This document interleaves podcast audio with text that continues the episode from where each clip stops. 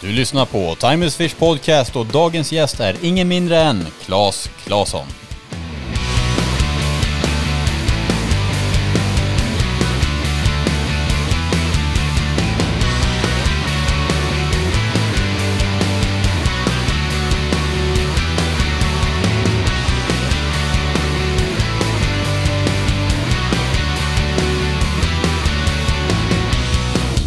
Alla som fiskar norr om Skövde, de är anabola steroidpundare. De ska dö!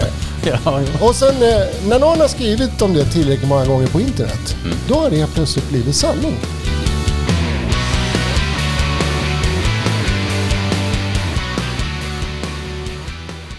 Det här avsnittet presenteras av Revolution Pike Race som är en ny tävling för dig som vill känna på hur det känns att tävla i en riktig YouTube-produktion. Man går in och anmäler sitt lag på big5.se. 22 lag, varav två är wildcards, kommer gå vidare till en final som utspelar sig i Lake X under två dagar och filmas och produceras av fantastiska Freewater Pictures. Kval 1 har redan varit, kval 2 är 17 till 18 september. Man kvalar vart man vill. Ni vill inte missa den här chansen att känna på hur det känns med pressen och den fantastiska känslan när man faktiskt fångar fisk med en kamera i båten. Gå in på big5.se och anmäl ert lag nu. Som grädden på moset har revolutionrace.se även gett er lyssnare en rabattkod på 15% som är timeisfish15 på revolutionrace.se som ni kan ladda upp med schyssta kläder inför sommarens äventyr. Tusen tack för supporten. Nu kör vi igång med avsnittet. Ja, vad ska vi göra nu då? Nu ska vi podda. Ja, vad ska vi podda om då? Vi ska podda om eh, livet. Livet! Livet. Okej. Vad är livet för dig Daniel? Livet för mig handlar om att lära mig nytt. Bara? Variation. Ja, i, hittills har det varit det. Mm. Jag börjar få lite andra tankar nu för tiden. Jag börjar växa upp. Så att det egentligen är, livet för dig är en jakt? Ja, faktiskt. Ja. Det har det varit. Men jag har också varit ganska... Jag, jag, jag drivs av att hela tiden utvecklas och göra nytt. Mm. Jag har svårt att göra samma sak för länge. Det är med allt. Är det så? Mm, faktiskt. Eh, Jag gillar omväxling. Mm. Så, att Så det, att du skulle aldrig kunna bli sushikock liksom? är det en kock? De kokar ris och skär upp fisk. Det är jag en- skojar, jag skojar bara med dig.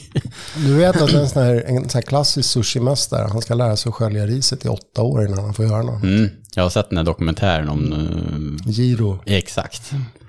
Den är väldigt bra den dokumentären. den är cool. Men, men det någonstans är ju, för mig är, är just det skedet det svåra.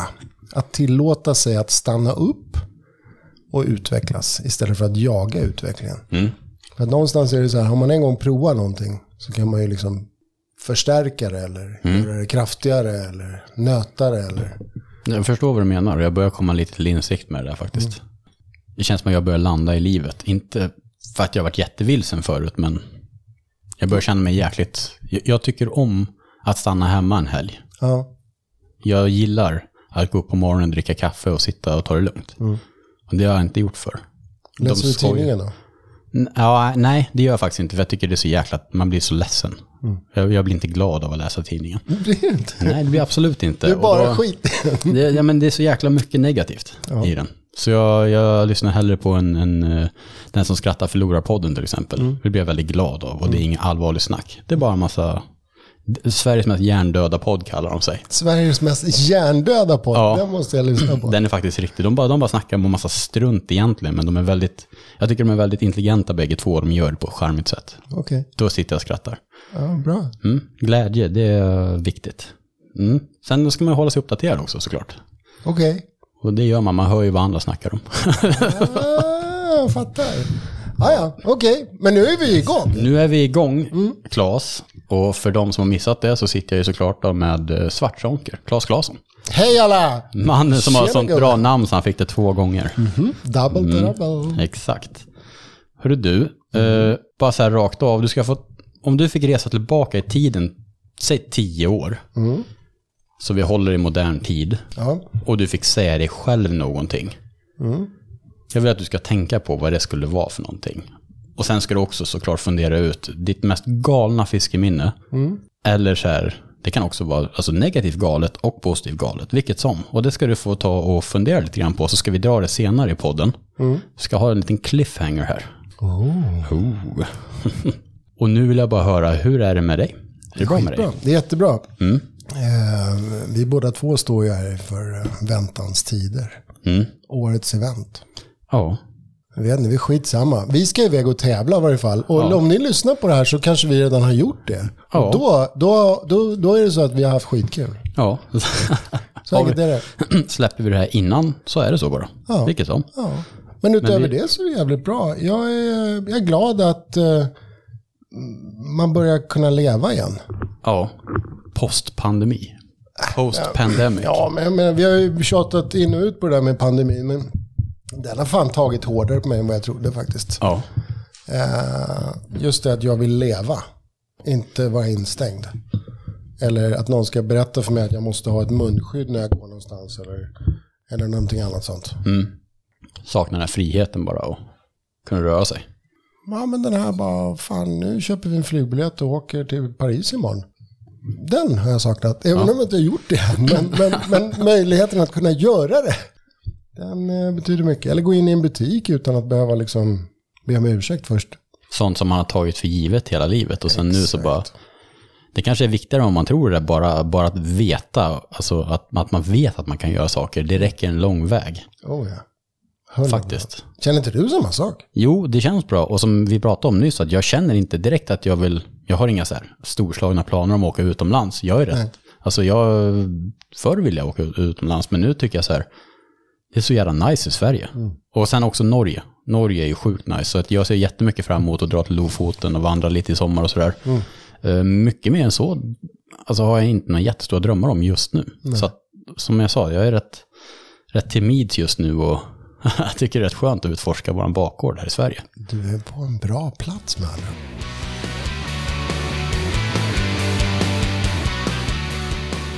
Och jag vill höra med dig, vilket stadie är du just nu i livet?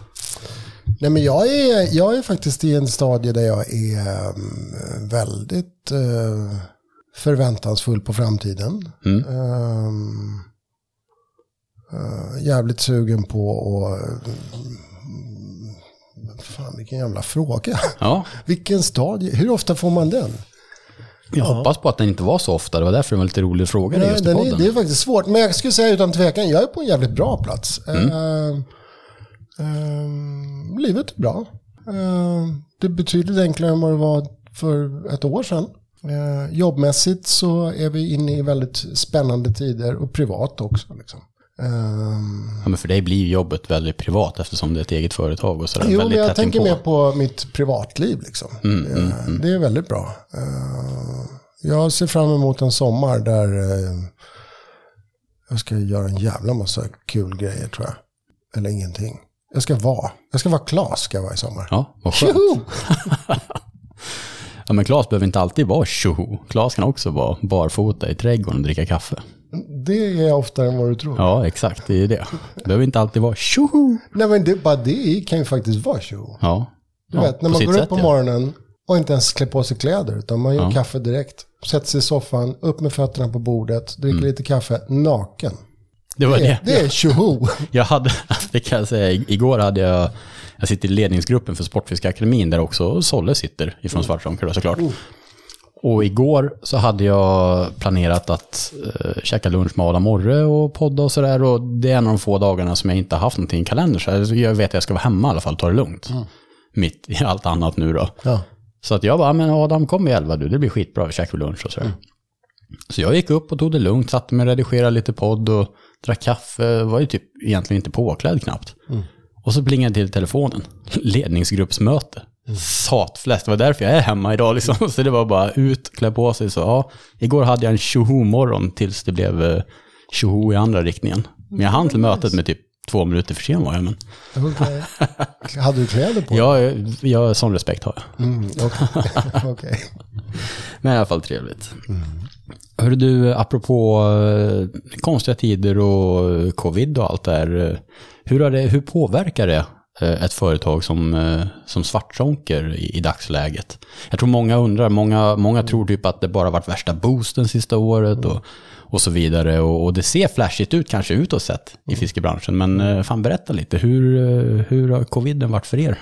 Nej men den har sugit. Det var, det är en jävla, det är därför också som jag känner att liksom, det vi började med att prata om corona, att det är skönt att det är liksom, vi ser ett ljus i tunneln. Ja. Men eh, vi har haft, eh, alltså att driva ett sportfiskeföretag, eller driva ett företag överhuvudtaget, är, det är blod, svett och tårar emellanåt. Det är inte alltid man glider på en räkmacka och det ser jävla enkelt liksom.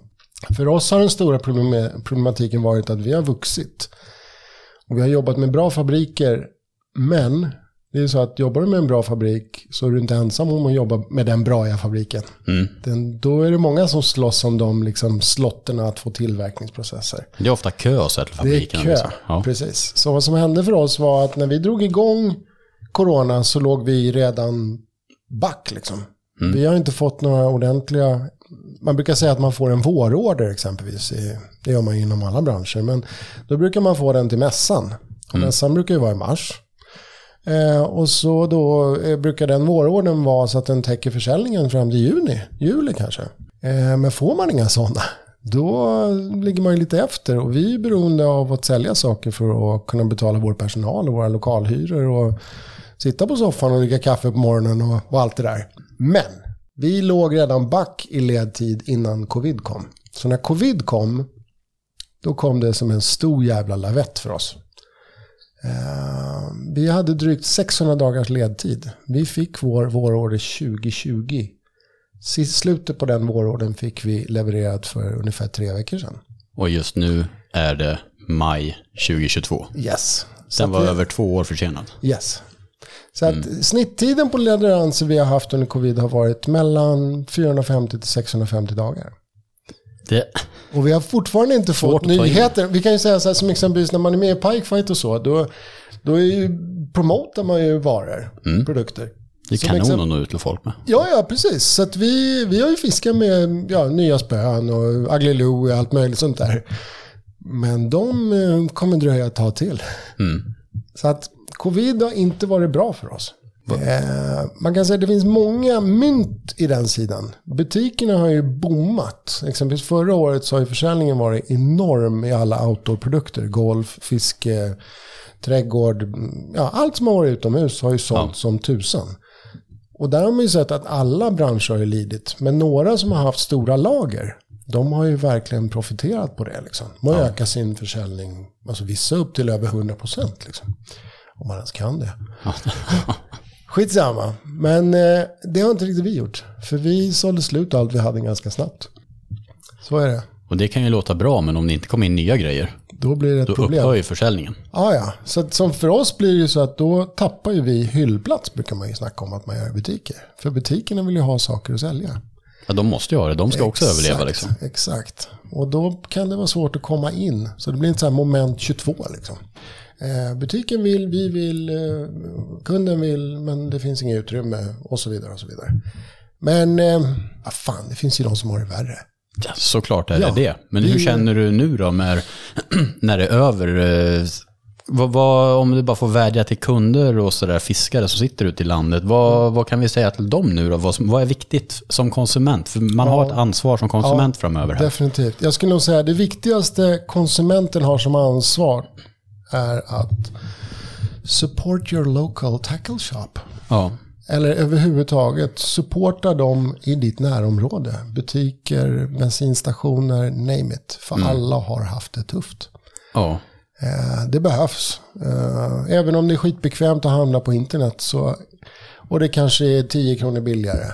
Men jag brukar säga det, om man går till sin lokala butik och säger tja, den här rullen, kan du ta in den? Ja. det kan de. Ja, Det här priset är på nätet. ja. Vad säger du? Ja, men det kan jag matcha. Oftast är det så. Ja, och då får ju de sälja rullen, eller vad det nu är. Plus att ni kanske köper lite andra grejer där. Ja. Och så är liksom, Du Alltså- kanske får krama någon. exakt, det får man i dagsläget göra. Ja. Och inte på internet, där får man inte göra det. Där får man en bild som högst på någon. Alltså, vad snackar du om nu? Nej men går man in i en butik då kan man ju få fysisk kontakt. Jaha, jag trodde du menade typ att folk, snuskiga folk som skickar bilder. Liksom. Nej, ni hör ju vad jag har du att göra med. Han tänker ju bara på snusk den här pojken. Nu rodnar han Ja, men också. jag tänkte, Där är bevis. är det där liksom? Jag pratade om vinsterna som finns av att träffa en person i fysisk... Mm. Vi pratade, alltså, jag pratade inte ens om snusk. Jag pratade om en fysisk kram. Jag tänkte så här, på internet, där, där får man bilder på folk och det bara, Nej, Ja, på vad jag väldigt, menade väldigt mörka om, ställen. Om man köper någonting. Ja, om man åker en webbshop. Nu bryter vi för paus här. I alla fall. Ja.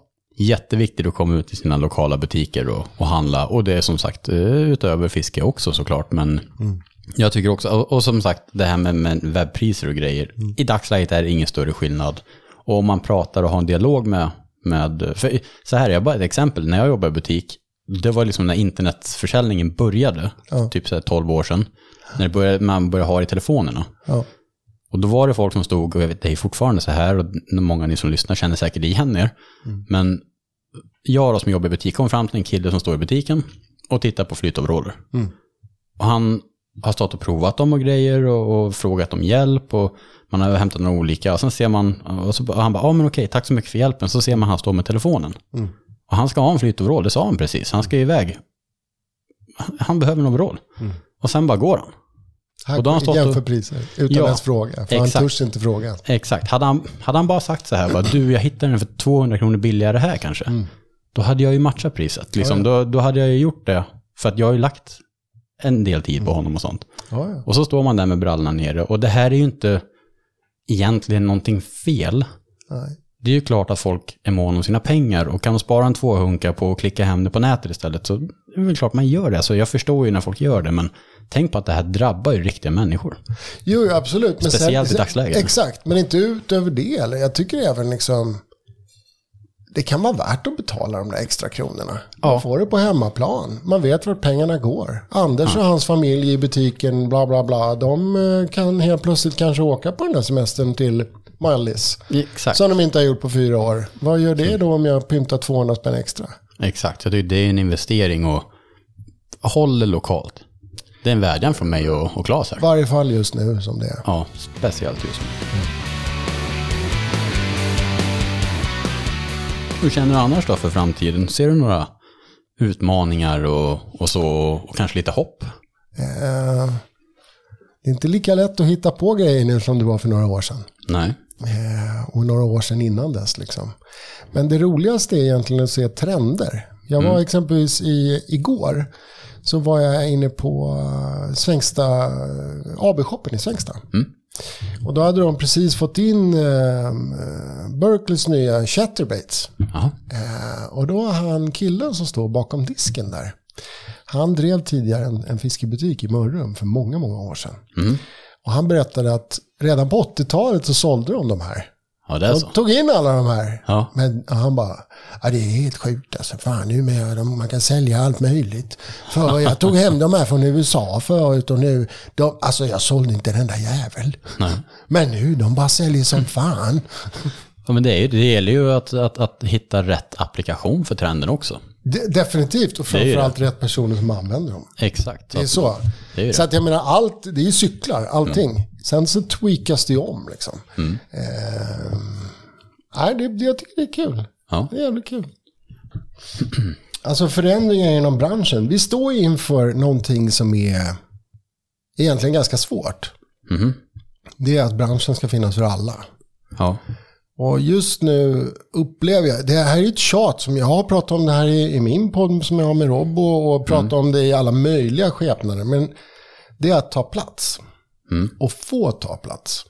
Och få vara med.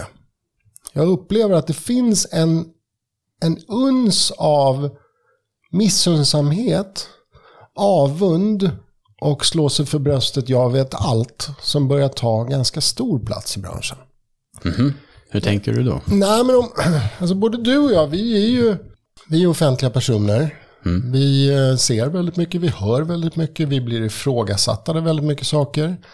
Eh, jag känner mig ganska beskonad. Visst, fan har jag väl fått lite nätjidder liksom, men det hör ju till. Liksom. Eh, men det jag mer tänker på är att exempelvis om man går in i olika grupper, som på vissa sociala medier, så finns det ibland en ton av man slår sig för bröstet med information som kanske inte alltid stämmer. Mm. Och det är din sanning. Så då ska alla andra ha den sanningen. Och jag har minsann rätt i att ha den sanningen. Så tycker inte du som jag, då är du dum i huvudet. Um, det är inget som gynnar någon. Nej. Uh, vi behöver helt enkelt se över kanske våra hatparametrar och våra missundsamsparametrar lite mm. mer. Och speciellt, och det här är ju naturligt, alla har väl sett Star Wars? Jag har typ inte sett dem. Nej, men okej, men om vi säger så här. Star Wars handlar ju om kampen mellan det goda och det onda. Mm. Och när saker och ting blir jävligt jobbigt, då väljer folk ofta att dra sig till mörkret. Liksom. Och så är det en liten klick av människor som är kvar i ljuset. Och det här är lite grann precis hur internet fungerar. Om vi säger väldigt många hatkampanjer fungerar på det. Man lägger ut lite lobbyverksamhet kring någonting som är så här. Ja, ni ska inte fiska norr om Skövde för där mår gäddorna mycket sämre. Alla som fiskar norr om Skövde, de är anabola steroidpundare. De ska dö. ja, Och sen eh, när någon har skrivit om det tillräckligt många gånger på internet, mm. då har det plötsligt blivit sanning. Då är det någonting som man till och med nästan kan använda som en referens. Jag läste i den här tråden om att alla som fiskar norr om Skövde, de är anabola steroider och psykopater, så man ska vara rädd om dem. Och sen så blir det så här, helt plötsligt sitter folk och pratar om det här. Helt mm. seriöst. Att, oh, men du vet, det är ju så synd om de där gäddorna norr om Skövde. Va? Mm. För de, alltså de har ju fått så många träkrokar i munnen. Speciellt om det är varmare än tre grader i vattnet. Ja, det... Då är det livsfarligt. Ja, det är hemskt. Där. Och det här snacket är mm. någonting som jag kallar för Darth Vader-syndromet. Intressant. Man har liksom dragits till den mörka sidan och förverkligat sanningar som kanske inte riktigt är sanna. Varför, varför tror du att folk gör det då? Är de, är de missnöjda med sitt eget fiske eller vill de bara, tycker de att andra inte ska vara så glada? Jag tror att väldigt mycket handlar om det sociala fenomenet internet överlag, där mm. alla vill ha lite likes. Mm. Man vill ha lite medhåll. Man vill ha lite klapp på ryggen och fan mm. vad bra du tänkte som det. Och, eh, jag skulle vädja till alla att kanske mer eller mindre göra som vi började med att prata, och prata här. Vi kanske skulle kramas lite mer och vara lite mer toleranta för vad fan vi håller på med. Mm. Det är ju faktiskt så här att vi, vi håller på med en sport, en nöje, en livsstil kalla det vad du vill, men vi gör någonting som alla brinner för. Och, och, självklart så är det så att det drar ju fram saker som vi blir provocerade av eller irriterade av. Jag menar det är som livefiske, det är som temperaturer, det är som eh, ismete. Alltså det finns ju sådana här små krutdurkar överallt som ligger och pyr. Mm. Ja, ja, Men är alla de helt och hållet faktagranskade? Det vill säga, har alla kött på benen för att den sanningen som propageras är den sanna? Så är det absolut inte. Nej, utan det är en liten klick av människor som skriker högst som får det belägget att det är sanningen. Mm. Det finns ju, ja det finns ju diverse grupper där man gör sig skoj på folks bekostnad över att de har fångat sitt livs fångst. Mm. Eh, det fanns inte på min tid. Nej. Men det finns idag. Och det är det här jag menar med att vi behöver kanske ibland utgå från oss själva. I den bemärkelsen att fan, behöver jag skrika så jävla högt? För att få precis alla andra att tycka som jag vill. När det kanske inte ens stämmer, utan det är bara vad jag tycker. Mm. Det där tycker jag man ser väldigt tydligt i nästan varenda så här negativ betonad grej mm. om fiske, mm. så är det nästan alltid exakt samma sak. Det, det, är att man utgår från sitt eget och tycker att alla andra ska göra det också. Ja. Jag tycker inte tävlingsfiske är bra. Nej. Alla som tävlar är dumma i huvudet. Ja. Medan den som tycker tävlingsfiske är det roliga som finns. Ja. Tycker jag att han gör rätt. Och sen har vi de som bara, jag har minsann inget ekolod. Jag sitter på min brygga med mitt metspö. Ja. Alla, ah, det är fiske för mig. Punkt. Och så får han tre stycken som bara, ja, det är fiske för mig. Exakt. Och så får han lite bekräftelse. Men är inte det fina med fiske att man kan göra det precis som man vill? Jo, jag håller helt och hållet med dig. Men det jävliga i den här kråksången, Det är ju när vi går in, om vi ska gå in i ett så här, om vi ska ta det till en akademisk nivå. Mm. Om vi då ska kolla forskning, eh, statistik. Okej, ja, du lång, eh, bort ifrån känslogrejen. Exakt. Mm. Så finns det egentligen inga parametrar som säger ett jävla skit. Mm. Förstår du vad jag menar? Mm. Mm. Men det går rätt bra att slå sig för bröstet och säga att det är så. Men tror det- man att man har kött på benen då? Är det det man gör? Att man kanske tror att man har det av någon anledning? Alltså kortfattat är det så här. Om, fiske är ju en känsla. Håller du med om det? Ja, ja.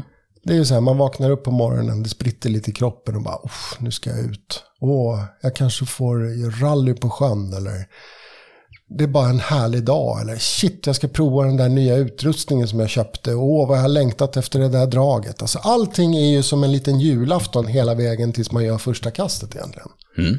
Det är Det är en förväntan. uppbyggnad. Det är en förväntan liksom. Det är ett förspel för det som komma skall. Mm. Men om vi lägger den tiden på internet istället, då missar vi allt det där. Ja. Då blir vi grumpy old farts liksom. Som sitter och gnäller istället för att förverkliga drömmen. Och drömmen är väl för fan att ha kul. ja, Är det inte det? 100 procent. Bra, då tycker jag vi stannar där. Så folk, ha kul för fan. Ja, sluta dra ner andra. Och bara gå ut och fiska istället. Ja, och drar ni ner andra, då får ni vara beredd på att kanske bli av med ett par framtänder en dag också. Men det sa ju han, det var någon brittisk eh, tv-profil sa det, att folk har blivit för bekväma med att kasta ur sig elaka saker och inte få stryk för det. Ja, det är Med överallt. internet. Ja, men det är ju så med internet liksom, Ja. att man, eh, man kan Prova att säga samma sak till face to face på någon. Så är det. Nog om det. Det där var det enda negativa vi ska förmedla denna eftermiddag. Ja. Fast egentligen var det inte negativa. Utan det går ut på en enda sak bara. We shall overcome. Mm, faktiskt. Och det gör vi. Yes. Nu blir det musik.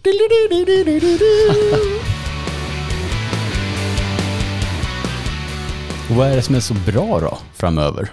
Vad är, Jo, det, jag vad är det som skulle- är ja. nice? Jag ska säga det som är nice framöver. Det är att jag ska fiska mycket mer. Och skita fullständigt i vad folk tycker och tänker. Ja, du ska bara fiska och ha kul. Ja, Som man gjorde. Det är Utan att tänka på vad tycker alla andra om, om jag gör så här. ja faktiskt. Mm. Det tycker jag låter jättebra. Det är någonting som jag rekommenderar nästan alla. Då tycker jag vi tar till oss det och gör det. Ja, Och ha en härlig sommar. ja. Men vi tänker fortsätta prata nu. Ska vi? Ja, det ska vi absolut göra. Hörru du, eh, bara så här allmänt, ska köra en liten snabb så här, hörnstenar i din karriär, vill jag, eller hörn, milstolpar kanske. Mm. För som jag kommer ihåg, när jag jobbade på Huntyard för massa år sedan, då tog vi in någonting som hette Svartsonkertailen. Och den hängde på väggen där. Jag såg den där på Vildmarksmässan var första år vi hade den i monter. Mm. Och Juha Kajoranta, kommer du ihåg honom? Oh ja, jag har Mm. tävlat med honom. Exakt, han var någonting i Svenska Jägarklubben. Ja, han var väl någon suppleant eller Ja, någonting. och han jobbade extra hos oss på Huntyard. Och det var han som fick in Svartsonkertailen i butiken. Ja, eller jag tror nog både han och Olle var nog Ja, men Olle var inte där då. Var inte han där? Olle började när ja, jag då var det slutade. nog. Joa i sådana fall som köpte. Ja, för Olle började när jag slutade. Ja, så kanske det var. Eh, så att vi fick ju in den där i några stycken. Och vi, jag tittade på den där på mässan. Ja. Och jag bara, den här betesbyggaren alltså, vad håller han på med? Den rör sig inte ens. Alltså jag, jag hade inte den kollen alls på gäddbeten. Nej. Alltså då. Och jag bara, vad fan är det här? Snurra lite i bak, inget mer liksom, tyckte jag då. Eh, men jag har ändå ganska starka minnen av just det där. Ja. Och de var annorlunda och lite så här.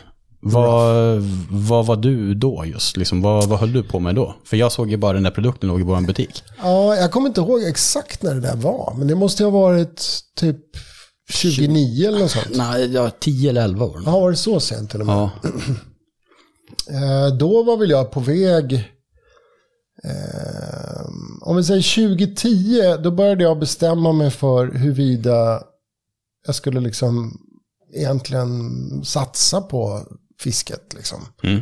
fullt ut. Innan dess så var det ju mer, alltså jag började ju sälja Svartsonkertailen 2007.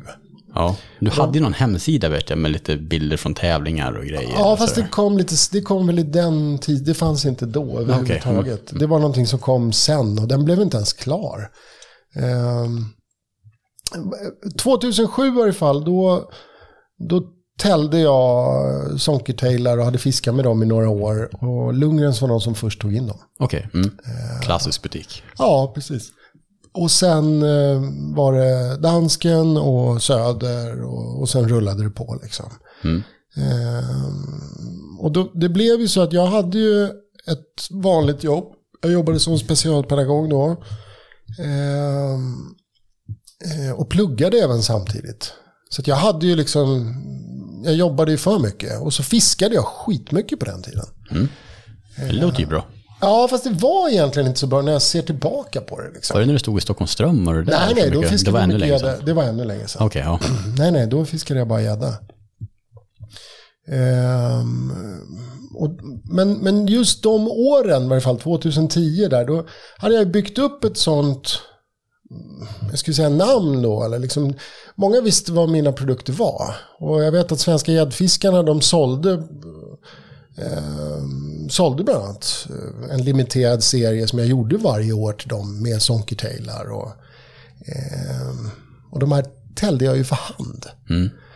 Samtidigt så hade jag en annan modell som heter McTailen som vann otroligt mycket liksom, tävlingar och fångade stora fiskar. Så efterfrågan på mina beten var enorm. Eh, Jag var uppe i bygden mellan 2-3 tusen beten per år. och jäklar. jobbade heltid utöver det. Och det här var liksom, du satt och täljde de här betena. De sonkertailerna täljde jag. Varenda jävla sonkertail jag har sålt som är en original svart sonkertail är gjord med en morakniv. Mm. Det är coolt. Det är coolt. Ja. Det är faktiskt någonting jag är jävligt stolt över. Men då var det i alla fall 2010 så var jag i ett vägskäl. Jag hade börjat kika efter att sätta igång en produktion i Asien. Mm. Så det var ganska spännande tider då. Eh, Var tanken då med, med eh, träbetena att det var dem eller var det, hade du redan kommit till gummibetena då? Ja, gummibeten, jag började ju ha på, le, busa med det också där. Men jag kände, då när jag höll på med det så kände jag liksom, fan vad det här luktar och mycket och grejigt och liksom. Jag gjorde egentligen bara några jiggar till mig själv. Ja. Jag och Mange Boy pratade mycket om att göra ett gemensamt projekt bland annat. Ehm, ja, det blev inte av någonting med det, men vi, vi, vi, vi bollade mycket av det liksom. Eh, gummibetesgrejen drog egentligen inte igång ordentligt förrän 2011-2012. Det minns jag. Ja, Den kom i rättan tid. den kom som en jävla käftsmäll. Ja, men det där tycker jag, för det var, innan hade du ju mycket så här snack om det i gråzonen liksom. De här underground-fiskarna liksom. Ja. Men det känns som att du kommer ditt första stora gummibete, det var då det rasslade till ordentligt. Nej, det, är inte, nej, det var inte så. Var det inte det? Nej, McTailen kom ju innan. Ja, men jag tänkte, Den det känns som att... bara, det- där sa det ju pang när McTailen kom i plast. Alltså, kom den McTailen- innan, eh, Ja, ja. kom den plast kom, innan? Den kom innan. Jaha, Eh, okej, Och okej. sen så var det ju även samarbetet med Abu kom ju innan McRubben. Gjorde den det? Ja, den kom precis. Men tyvärr var det ju så att jag sålde ju McRubbers som jag göt själv. Ja. Eh, och en ganska cool grej faktiskt. Eh, av, av de tusen första Mac, eh, McRubbersarna och Big McRubbersarna jag gjorde hemma i köket. Mm. Så fångades det över 110 kilos gäddor dokumenterade. ja. Det är coolt. Det är rätt coolt Ja. faktiskt. för Det var ju en Och det blev ju där- en hype. Det blev ju så när jag, och det var ju typ bara två eller tre butiker som sålde McRubbers. Mm. Som exempelvis när jag åkte in till, vi säger Söder då, och lämnade, eller till dansken. Det stod ju kö. Mm. Och de slet ju de här påsarna när jag gick in liksom. Så var de slut. Ja. Det, så var det liksom. Det blev som en, en happening när de kom. Och Det var ju det jag kommer ihåg just där så starkt. Att det var, det var en sån skjuts liksom. Med den där. Men det var också för att det var ju någonting nytt liksom. Det fanns ju egentligen bara ett annat brett, brett gummibete. Det var ju Manges fluffer liksom. Ja. Ehm, sen var det ju amerikanska liksom, Optimus och liksom bassbeten som, som fanns. Ehm, och det var ju få butiker som sålde dem, men de var ändå inte gjorda riktigt för den, det grunda, liksom, shallow-riggade fisket. Ja, men det gäller ju när man kommer med så här produkter, det gäller att komma med den i rätt tid. Verkligen. Hade du släppt den idag hade det inte hänt så mycket. Det hade inte hänt så mycket. Om inte vi hade liksom spammat nätet med 7000, liksom 10 kilo så alla i världen liksom. Ja, men det, det var ju det, du fick ju sån skjuts och det är viktigt när man kommer med något nytt. Det var det jag tänkte så här bara. Ja. Man kan ha världens bästa idé, men om, man, om den kommer på fel tid och så vidare, då kanske det inte händer så mycket fast Nej, nej, idén nej. är bra. Nej, nej. Det finns det är ju... mycket som ska klaffa och jag pratade med Freewater om det här i förra podden. Ja, Att de kom ju med 12 till exempel i rätt tid med rätt Oh ja. allting liksom och allt klaffade och sen fick de in 18 kilos. Jag menar, Oh ja. det var ju mycket som stämde. Så är det definitivt. Eh, Det är som och- en hit eller vad som helst. Det menar, du, Ja. måste, du måste komma med det som efterfrågas för tillfället. Ja, och det vet man ju sällan vad det är. Nej. Om McRubber så fanns det ju liksom en... Ja, det var i samma veva där jag tänkte nu går vi all in i företaget. Jag hade slutat jobba som lärare, jag hade samarbetet med AB i ryggen. Alltså det fanns så många parametrar som gjorde att jag kände bara shit, om jag levlar upp lite nu och krigar på. Då finns det möjlighet att vi kan bygga upp Svartsonke Sweden så att det blir ett företag där vi kan anställa folk. Liksom. Att det blir ett, ett, liksom ett riktigt företag. Inte någon sån här, sitta, alltså, inget ont om det, men jag hade en vision om att kunna se det större. Och det gjorde ju även att, det var ju då också det här liksom, Ryggenfisket drog igång lite tidigare, kanske 2008, och så började det rulla på. Och i den vevan så började jag åka till Ryggen. Och där fick jag en förståelse för, fan om vi köttar på här, då kan vi få några feta fiskar och se att produkterna funkar. För de första resorna jag gjorde, då hade jag inga makrovers med mig. Jag hade Bichadden och jag fiskade med Action Plastics. Eh, det var ungefär det. Och sen körde jag McRubben, eller McTailen med en paddel, för det var innan McRubben fanns. Och de här grejerna funkade. Så inför en resa så göt jag en. Jag göt av en, jag göt av en eh, McTail med en paddel på. Eh, som jag la undan sådär. Eh, den gjorde jag på sommaren. Liksom, så här, så bara, ah, fan, det här känns sådär. Och jag gjorde ett pass, jag fick faktiskt en, en 100, meters, eller 100 centimeters fisk på, på första kastet. Eller om det var andra eller tredje. Men i varje fall, jag fick en direkt.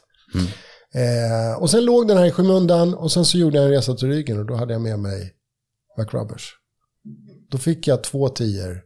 På den här resan så kom det upp 27 10 kilos gäddor på bara McRubbers. Shit. Var det den resan det snöade så mycket? Yes. Det vet jag, eller Jano var ju med oss där på den Yes. resan. Den var ju legendarisk. Yes. Var det februariresa va? Det var en februariresa. Mm. Det var synd att man inte var där. Nej, det var en episk resa. Ja. Alltså den var helt sinnessjuk. Helt Det har nog aldrig varit en lika bra resa efter den. Ja, det, jag var med om en till. Var? Jag så? och Adam Orre var på en sån resa. Ja. Eh, med finnarna. Det var också i februari. Okej, det, var, det var samma resa som vi fick de massproducerade McRubbersarna. Okej. För då, då, bara, då gjorde jag allt för att vi skulle få komma med. Så jag och Orre, vi fick... Eh, eh, ringde Bodenangel och pratade med... Eh, jag kommer inte ihåg vem av dem. Skitsamma. Eh, och då fick vi hyra Hechtkiller, eller Bodenkiller 2. En Crescent 506 med 50 hästar på. Eh, och första dagen jag och Adam fiskade, då tänkte vi så här att vi skulle vara coolare än de andra. Alla låg i liksom ett område med en stor lekvik och en ränna utanför. Alla finnar låg där. Eh, och det var en annan svensk guide som var där då också. Så vi bara, nej, vi åker upp till Rassor, vi är coolare, vi går liksom old school och fiskar djupt. Vi fick inte en, jag tror inte vi fick en gädda den dagen. Okej. Och så ringde jag bara. Och så, då får jag bara höra, "Nej, vi har haft mayhem här, vi har, det har kommit upp eh, 20 10 och bla bla. Och jag bara, fuck! Så vi åkte sista timmen dit när det blev mörkt. Och då fick vi typ varsin, en 8 och 9 tror jag. Ja. Så vi bara, eh, vi borde ha varit här. Ja. Sen låg vi och gnuggade där. Och då fick vi en 10 också. Men då under den trippen, jag tror det kom upp typ 17 10 på eh, de här nya fabriksgjorda McRubbersarna. ja. Så då var det så här, okej, de funkar. Och det där var ju starten av någonting. Yes. Yes. Så det, var ju, det var inte bara så att jag gjorde ett bete och så hamnade jag rätt. Utan när jag ser på det så jag la faktiskt ner tid på att promota det här genom att visa att det fungerar. Och det var inte bara i Sverige utan det var i Tyskland, USA, Holland. Det var flera länder som var involverade samtidigt som fick upp ögonen för McRobbers storhet. För det, säga vad man vill, det är inte vilket bete som helst. Det ser ut som en jävla old school-pryl. Idag finns det ju en uppsjö med samma typ av liksom tänk kring betet. En lite större paddel, en tjockare kropp, flyttar mycket vatten, ger mycket väsen och har möjligheten att kunna fiska det grunt. Eh, En annan grej som, som också var intressant där var konflikten mellan den gammaldagsa jiggfiskaren och den moderna spinnfiskaren. För exempelvis i Holland så fick den här typen av beten väldigt mycket kritik. Okej. Där har de en tradition av att köra typ en 15-20 gram skalle på sin jigg och fiska droppfiske över branter. Och den här typen av beten är inte så optimal för det. Nej, Utan det är den ett spinnbete liksom. Men tar emot mycket vatten, det är inte optimalt att droppa ner ju. Nej, nej, nej, nej, precis. Utan då kan det ofta bli en motsatt effekt, att det blir spinn på hela betet när det sjunker istället. Mm. Eh, det här var också intressant att se. Eh, jag vet inte ens varför jag kom in på det, men det, det är sådana här observationer, när man lägger alla de här pusslerna, så ser man liksom, för någonstans när du gör ett bete så är tanken att det ska passa för alla. Det är en önskan man har, men det är sällan det blir, blir så. Men alla har ju specifika krav och, och Exakt. fiskesätt. Så Exakt, exakt. att hitta bete som passar för alla, det är svårt. Det är en optimal, men det är, det är ju drömmen. Ja. Men det är coolt. Jag vet inte ens var vi tog vägen. Skönt om man bara fladdrar iväg. ja, men jag tycker det är kul. att Det blir så här roliga, sköna historier också. Eh, och det är bara en del i, i din karriär, liksom med hela Svartzonker-biten. Vad hände, alltså hela det här Volvo-samarbetet, det var ju också någon form av milstolpe, bekräftelsegrej. Alltså det var ju något som ändå så implementerade dig Ja. på kartan liksom. Och Jo, jag, jag tycker det var en rätt stor grej. Det var också så här för oss fiskare så var det, wow, kolla, där står ju någon med ett spö på ja. Volvo-reklamen. Nej men, Jag tycker det var jäkligt fränt i alla nej, fall. men det var coolt. Eh, alltså Volvo-grejen är, jag tror faktiskt att det var, det var Zlatan som pitchade den för Volvo. Eh, han såg att, fan, vänta nu, det är en hel målgrupp med folk som behöver bilar och dra sina släpvagnar på. Varför inte ta en fiskeprofil? Det, det är så jag tror att det gick till. Kontaktade Volvo dig och... Ja, så ringde de mig och så trodde jag att det var Hassan som ringde. på riktigt. Jag bara, vad fan vill ni? ja, eller hur? Så jag typ, nej men lägg inte på, lägg inte på. Precis så var det. Ja, det var så alltså. Ja, ja, så var det. Eh, Så bara, du, vi skulle vilja ha ett möte med dig. Det är kul det där hur mun mot mun-metoden kan, eh, ja, kan bli så fräna grejer. Verkligen. Det där var ju samma med, också tillbaka till podden med Freewater häromdagen. De eh, var också så här att det gick bakvägen runt för att komma till SVT. Inte när de försökte, utan det kom bakvägen. Ja. Via, ja de här är schyssta, kolla dem, bla bla bla bla bla. bla. Tills att de ringer, bara tja, från SVT. Exakt. Sjukt häftigt. Det är den bästa. Det är den bästa när det blir så istället för att man får liksom be och böna. Det där är ju en naturlig väg. Och det där är ju, ja, inom mycket. Har vi några mer milstolpar i, i Svartzonk? Det är klart det finns massa, men jag tänker så här, som du eh, kanske tänker tillbaka till och bara, det där var något som var väldigt betydelsefullt för, eh, för, för din karriärsresa till idag. Nej, men jag tror, jag tror att en av, en av Svartzonke Swedens storheter är nog att vi har gått vår egen väg. Liksom. Mm. Eh, jag är glad över att jag kommer från alltså, handbygdskulturen. Det har gjort mig lite kaxigare. Det har gjort mig en förståelse till att jag förstår att eh, man ska inte alltid vika ner byxorna så jävla mycket. Nej. Även om jag har gjort det för att jag har liksom varit orolig. Liksom för att bara, om jag inte säger ja till det där då, då kanske vi inte tjänar pengar nästa månad. Liksom. Men Så att det har gjort dig starkare, den grunden. det har den absolut gjort. Mm. Det finns ju hur många sjuka historier som helst om butiker som ska ha beten och tror att de kan göra med mig som de gör med en stor leverantör. Ja.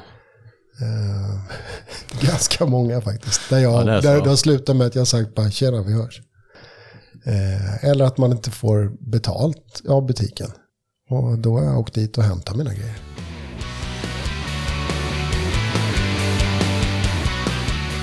Du har ju varit mycket i eh, Kina också. Ja.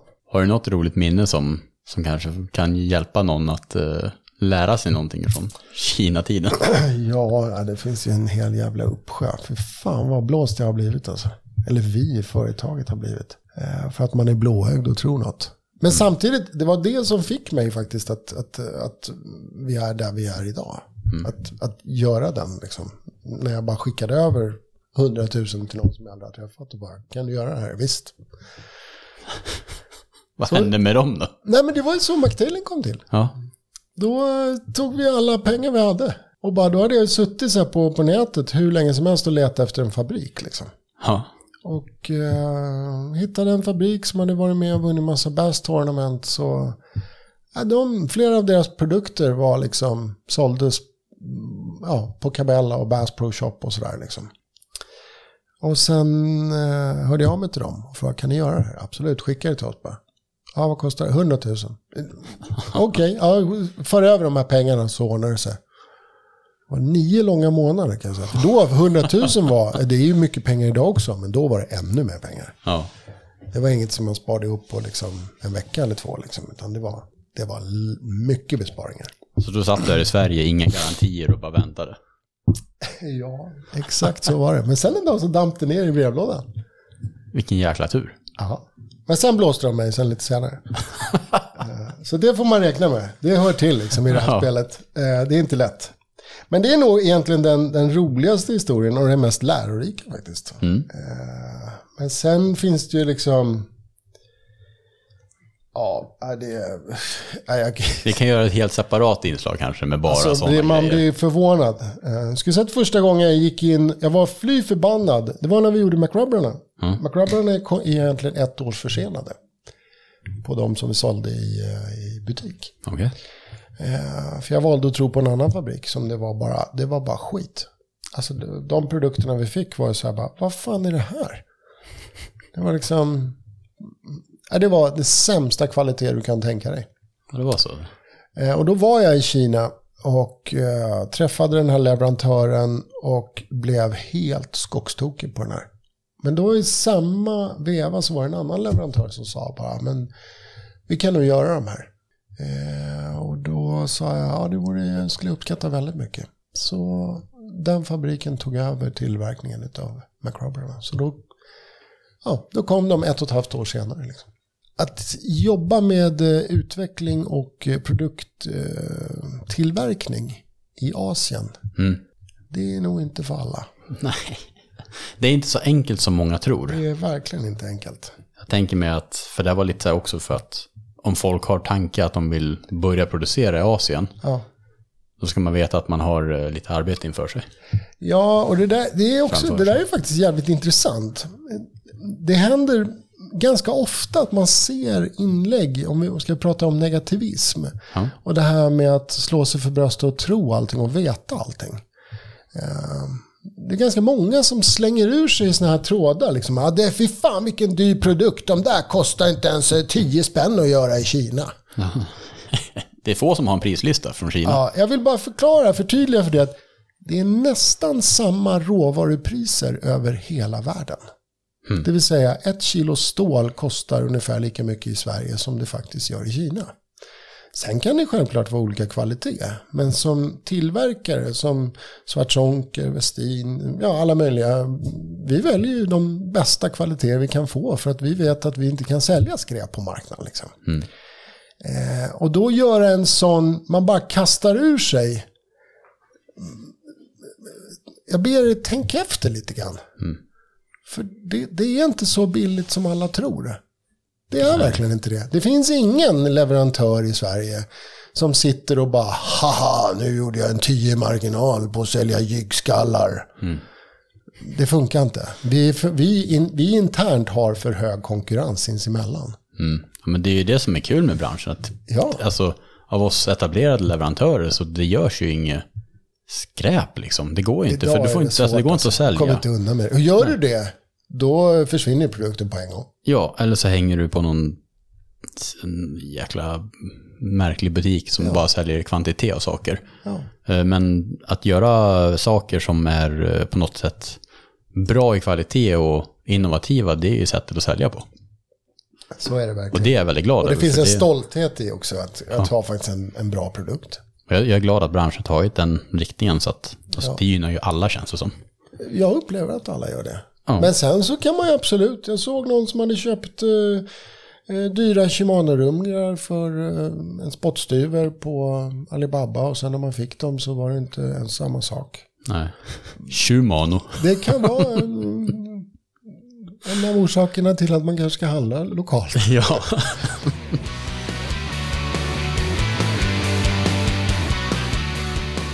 Du har varit med i en del tv-program och varit programledare, kockprogram bland annat. Ja. Kniven mot strupen. Eh, jag fick en, eh, ett, ett, intressant förslag eh, på en programidé för dig. Ja. Att, att ha ett kockprogram med snoken som hjälpreda. Ja, ja, det skulle vara magiskt. vi, här kommer det, vi hade faktiskt den på, på pipeline. Är det så? Ja, vi, eh, jag och Filip, vi spånade ganska länge. Filip Trång då ja, på Filip Black Inc. Precis, vi spånade ganska länge om att vi skulle ta snoken med oss till Kina och göra ett matprogram med honom där. Det, vet du vilka vibbar jag får av det här? Nej. De här Morgan och Ola-Conny. Ja, ja, ja, men nu ska vi inte vara så elaka. Nej men jag menar du och han, att det är Ja. två stycken sköningar som Ja, åker runt och gör konstiga saker. Det, det är faktiskt, den, den ligger faktiskt kvar. För det är en, det är en bucket list-grej som jag vill göra. Så Shit, vet, en vacker dag, då kanske det dyker upp. När ni får se liksom snoken smaka på liksom torkat gristryne och, och lite sådär.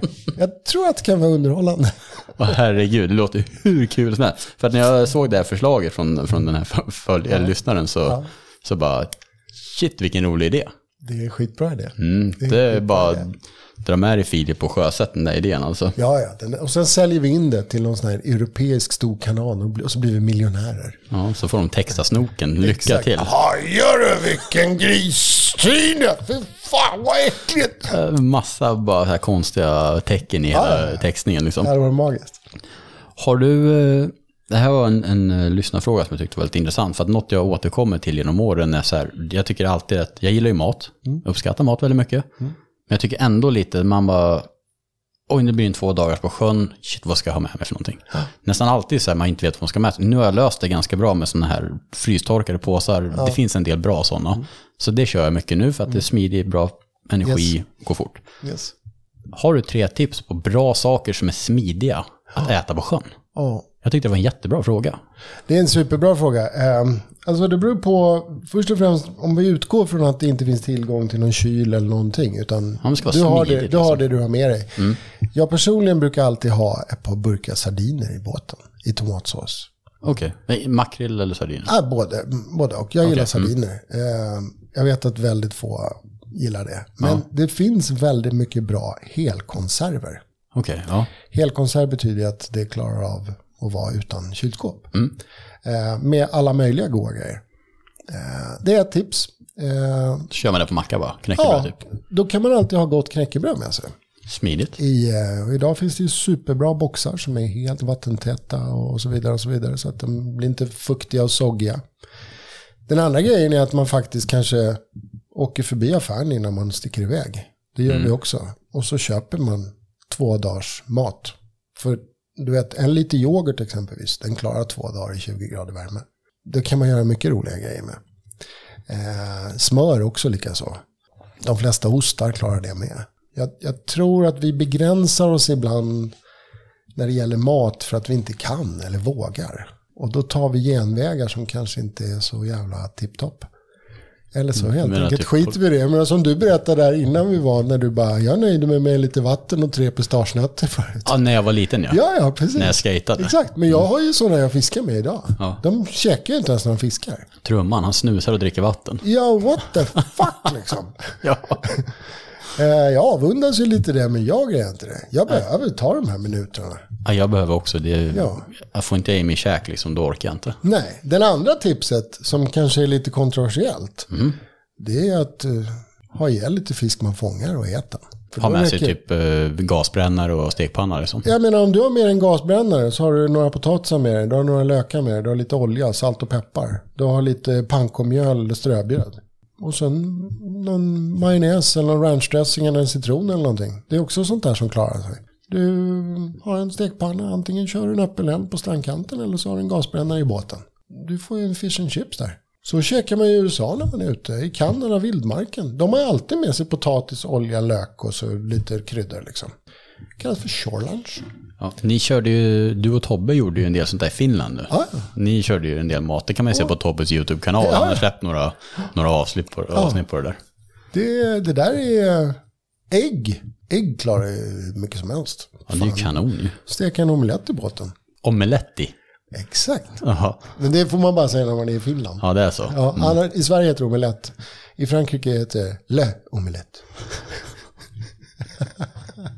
Det är så, men nästan allt i Finland, det är bara ett i bakom. Ja, eller två in. Ja, det, Och så dubbla konsonanter innan. ja då, är man, då är man hemma. Exakt, Ja, exakt. Mumindalen. Så är det. Ingen, alltså ni är fantastiska, jag älskar Finland. Bara så ni vet. Ingen skymf mot er, men ni, det är roligt i ert språk. Det, ja, för oss är det det. Ja, Men eh, helt obegripligt nästan om man bara lyssnar på en konversation. Eh, jag skulle säga obegripligt. Svårt att gissa vad de pratar om. Eh, ingen logik alls.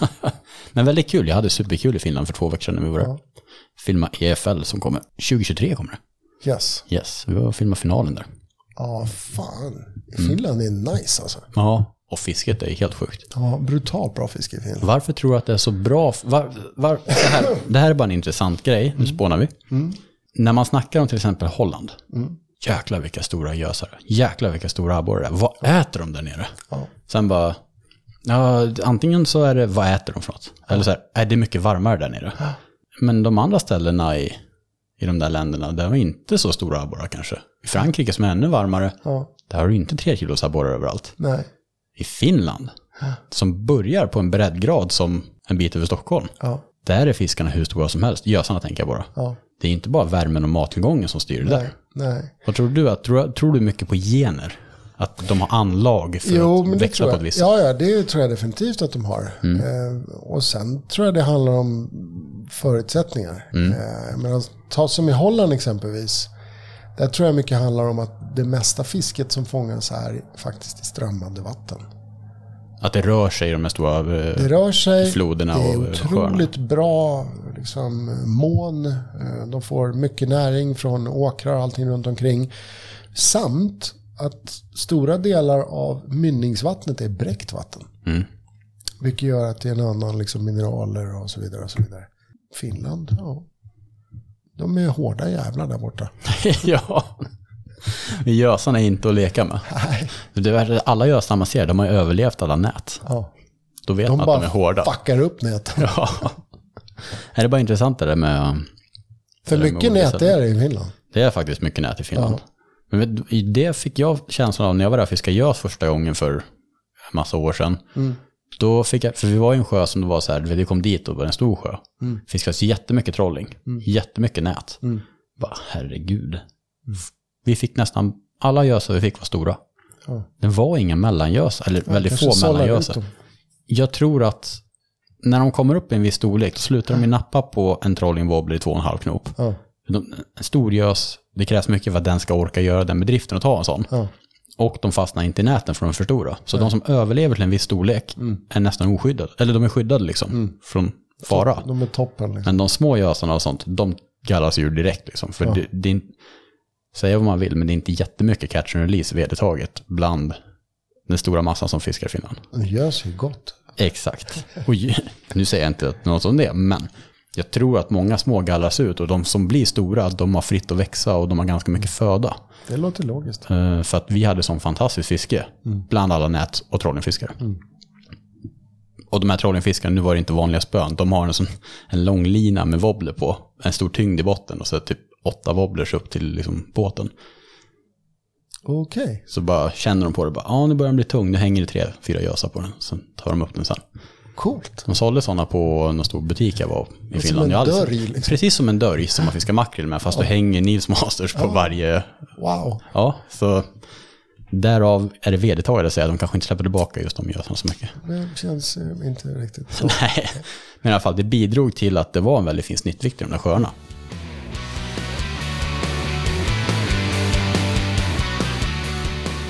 I början av podden fick du lite eh, tankar. Om du fick gå tillbaka och säga till dig själv för tio år sedan, någonting. Vad skulle du sagt till Claes? Nej men det är samma sak som jag var inne på tidigare där. Med att eh, ta mera plats liksom. Våga. eh, Följ din inre röst mer. Skit i vad folk säger. Visst, du ska lyssna på folk. Men ofta säger din magkänsla dig att det här är det du ska göra. Och den är svår. Den är jävligt svår. Det är ju när man vill växa. Då vill man ju vara tillgänglig för alla. Och ibland krävs det också. Ehm, jag skulle nog, om jag ser tillbaka, det största saken jag skulle ha gjort var nog vara mera snål med min tid. Att ge bort mindre av mig själv. Liksom. Ehm, så hade jag kunnat kanske fokusera mer på, på sånt som har varit mer gynnsamt mot mig personligen. Ur ett längre perspektiv. Jag menar det har varit gynnsamt att, att ge bort mycket av min tid. Men det har kostat också. Så att ta mer plats. Ja, Det är min eh, rekommendation. Våga vara lite mer punk. coolt. Det är coolt. Ja, men det är kul att höra liksom. Ja. Och om vi ska snacka galna minnen då? Mm. Dela med dig. Ja, fy fan. Få höra något galet minne. Det måste finnas någonting kul förutom snoken. Ja, massor med, alltså jag har ju berättat de flesta av de här, men än idag så är nog en av de absolut intressantaste sakerna med, med det här cityfisket. Liksom. Där, det har ju hänt som alla de här åren i strömmen, liksom. både som gädda, lax och havsöringsfiske. Liksom. Så, vilket jävla liksom, skatt av historier. Vi kan ta en, en variant. Jag en hade som ström i tradition när, när jag och eh, Peter Berggren, vi firade alltid födelsedagar ihop. Vi, eh, vi körde ungdomsverksamheten ute på, på Skeppsholmen för Strömstararna. Ja, exakt. Ja. Det fanns ett så här supermysigt klubbhus där. Så brukade vi ha grillfest där eller så hade vi det någon annanstans. Och vi brukade alltid avsluta det med fiska havsöring utanför national, eh, vid Strömmen. Då, nationalkajen utanför Nationalmuseet. Eh, och då, då när vi går dit, då, då frågar det så här bara, ah, vad, om du får upp någon, någon skatt så här, vad, vad önskar du då bara? Och jag hade som en, en liten dröm om att åka och fiska steelhead i, i, i Oregon eller i, i Washington. DC, ja, skitsamma, i USA i varje fall. Liksom. Eh, Och stila, det är ju havsvandrande regnbågar. Precis, precis. Det var en, en sån här bucket list grej som jag ville göra. Eh, så då hittar vi någonting, då vill jag göra det. Och så på kvällen när vi står där och fiskar så får jag ett sånt jävla bottennapp. Alltså du vet, det bara, det sitter. Men då, jag får med mig det här in. Och i strömmen är det så här, ofta när du får med dig någonting, det första du börjar tänka på så här bara, är det ett lik? Alltså, fiskar man på... Jag är inte mycket för att fiska på sådana ställen där man ska tro det. det är, är det ett lik det här? Så bara, ja, det kan fan vara ett lik. Det här är tungt alltså. Det är ingen, du vet, som, som är, alltså när man har stått i gettot och sånt där, då får du upp en täckjacka och lite sånt där lite då och då. Liksom. Ibland har man fått upp hårtussar och Åh, obehagligt. Skitsamma, i alla fall. Jag får med den här upp och då visar det sig att det är en sån här doktorsväska. Skitfin doktorsväska. Aha. Så vi håller på och lyfter den uppe, uppe på kajen så här så bara, tappar den inte, tappar den inte, tappar den inte, tappar den inte. Och så får jag upp den. ha. Och den är tung som fan. Jag öppnar den, det bara rinner ut fullt med vatten. Och det första jag ser är en sån här socker, gammal klassisk sockerströare i, i silver. Aha. Alltså du vet, så förr i världen, då var ju socker var ju så här, det var ju lyx. Mm. Så då hade man ofta det i en, i en silverskål. Det låg där liksom. Och sen så till det så hade du som en, en skopa, en stor sked med hål i. Så fyllde du den med sockret och så ströade du sockret genom de här hålen. Ja. Jättefin sak. En sån låg där först upp. Och så fortsatte vi att titta. Det var en frimärkssamling. Det var massa dyra klockor. Ha. Det var en afrikansk elefant. Och det, var, det var ju bara stöldgods allting. Var Där. det Clark Olofssons väska ni hade fått upp? Nej, men det var väl någon skön tjackpundare som hade fått jag där och sula i den där i vattnet. Liksom. Eh, men det, det var en ganska cool eh, grej faktiskt. Eh, tyvärr har jag ingenting kvar av det här idag. Är det så? Eh, klockorna de var ju sönderärgade. Liksom. Frimärkssamlingen var upplöst. Men jag ångrar lite grann att jag inte behöll den där elefanten. För det hade varit en cool grej. Den var ful som fan. Men den hade ett, en, en, en bra vibb. Ja. Om vi säger så. Det är väl en av historierna från Strömmen. Så kul, uh, oväntad Ja, sak liksom. Om vi ska ta en riktig sjuken. Jättegärna Claes, Så det ta en sjuk jävel. Jag och Olle Berggren. Också en sån här skön. Mr 100%. Han, har- han är väldigt, väldigt skön Olle alltså. Ja, vi hade ju en... Vi hade också förmånen, i och med att vi hade där strömstararna där inne så hade vi ju tillgång till båt in i strömmen. Mm. Eh, så jag brukade ju ta en, en fisketur innan jobbet rätt ofta. Och gäddfisket i strömmen var galet bra back in the days. Okej. Alltså sanslöst bra. Vet du, låg du och körde de här kanterna utanför Djurgården och ja, utanför Kastellholmen. Så här, djupa kanter liksom. Låg och körde liksom en sjunksalt eller en vestinare där. Snitten där var ju, det var extremt mycket fisk över fem kilo. Coolt. Riktigt coolt. Så vi ligger och driver kastellet. Och då har vi Gröna Lund i ryggen. Och då går det in som små bergsfickor upp så här med lite skog och grejer på Kastellholmen. Så ligger vi och kör en kant där och gäddorna stod ofta parkerade liksom på klackarna mot djupet på kanterna. Liksom. Klassiskt som de gör i de flesta, liksom, där det är brytsjöar, där det går från berg eller stenkanter. Vänern eller ja, vad som helst. Vi ligger och kör där, Olle fick någon fin sju kilo och så sen helt plötsligt så hör vi bara en röst så här bara. Ja, nappar det bra idag eller? Vi bara, fan var det där? Bara tittar vi upp där.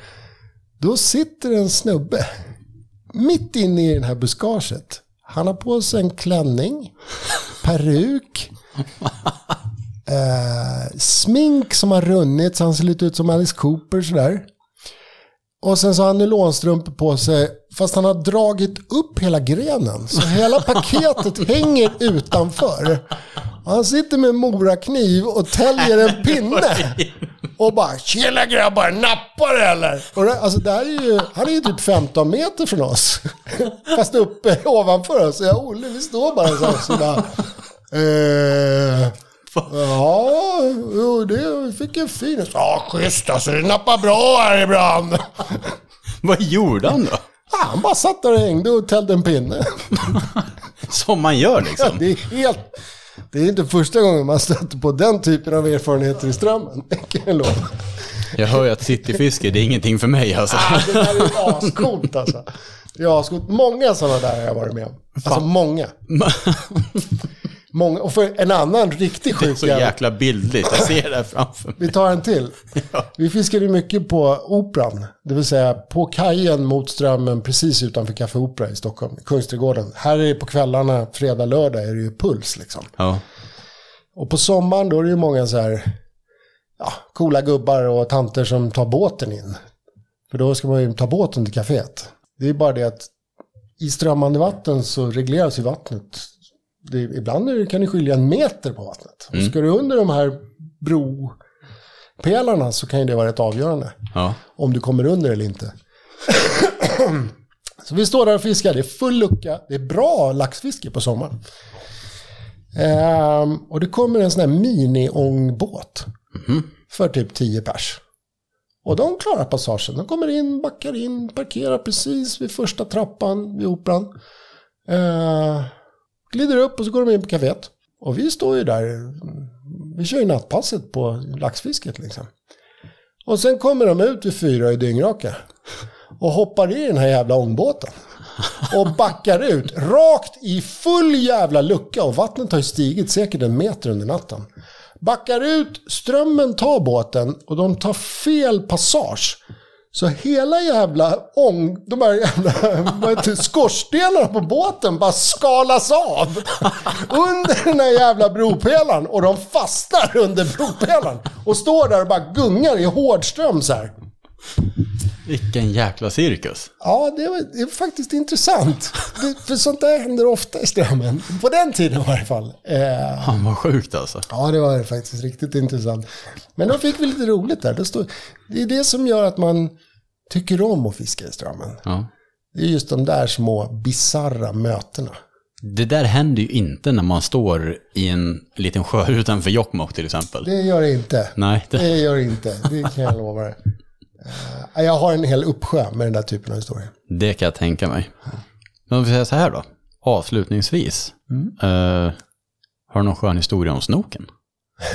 Snok. Snoken ska ju vara med i podden.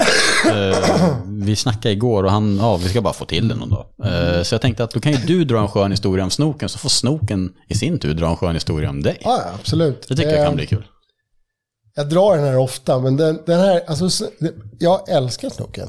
Det gör vi allihop. Ja, snoken, han har en förmåga att uppleva saker och ting mycket starkare än alla andra. Han har känslorna. Ja, jag skulle säga att om man gör, snoken är lite som en, en Ferrari liksom. Du vet, kör du en gammal rutten Renault och så petar du på gaspedalen, då kanske den låter lite så här. "Mm", Så kanske det låter. Ja. Medan gör du det på en Ferrari, då bara.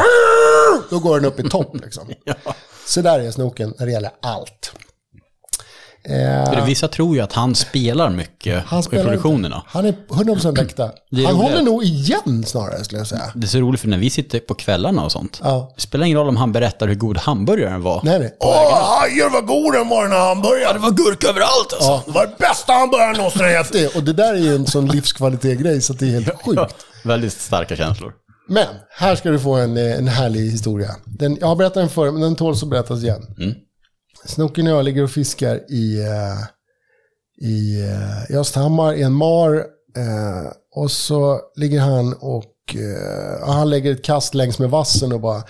Snoken får ju ofta hugg, och det, det ser man ju också i produktionerna, och han får ju faktiskt hugg.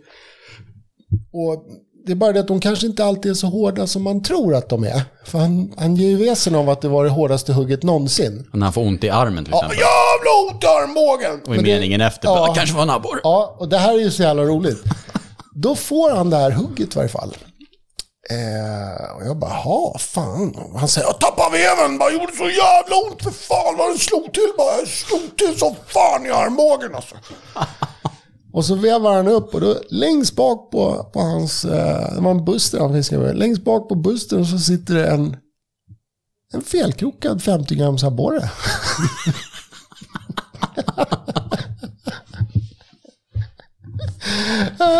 Vad vad- vad säger han då? då liksom? Vad, han bara, Ingenting.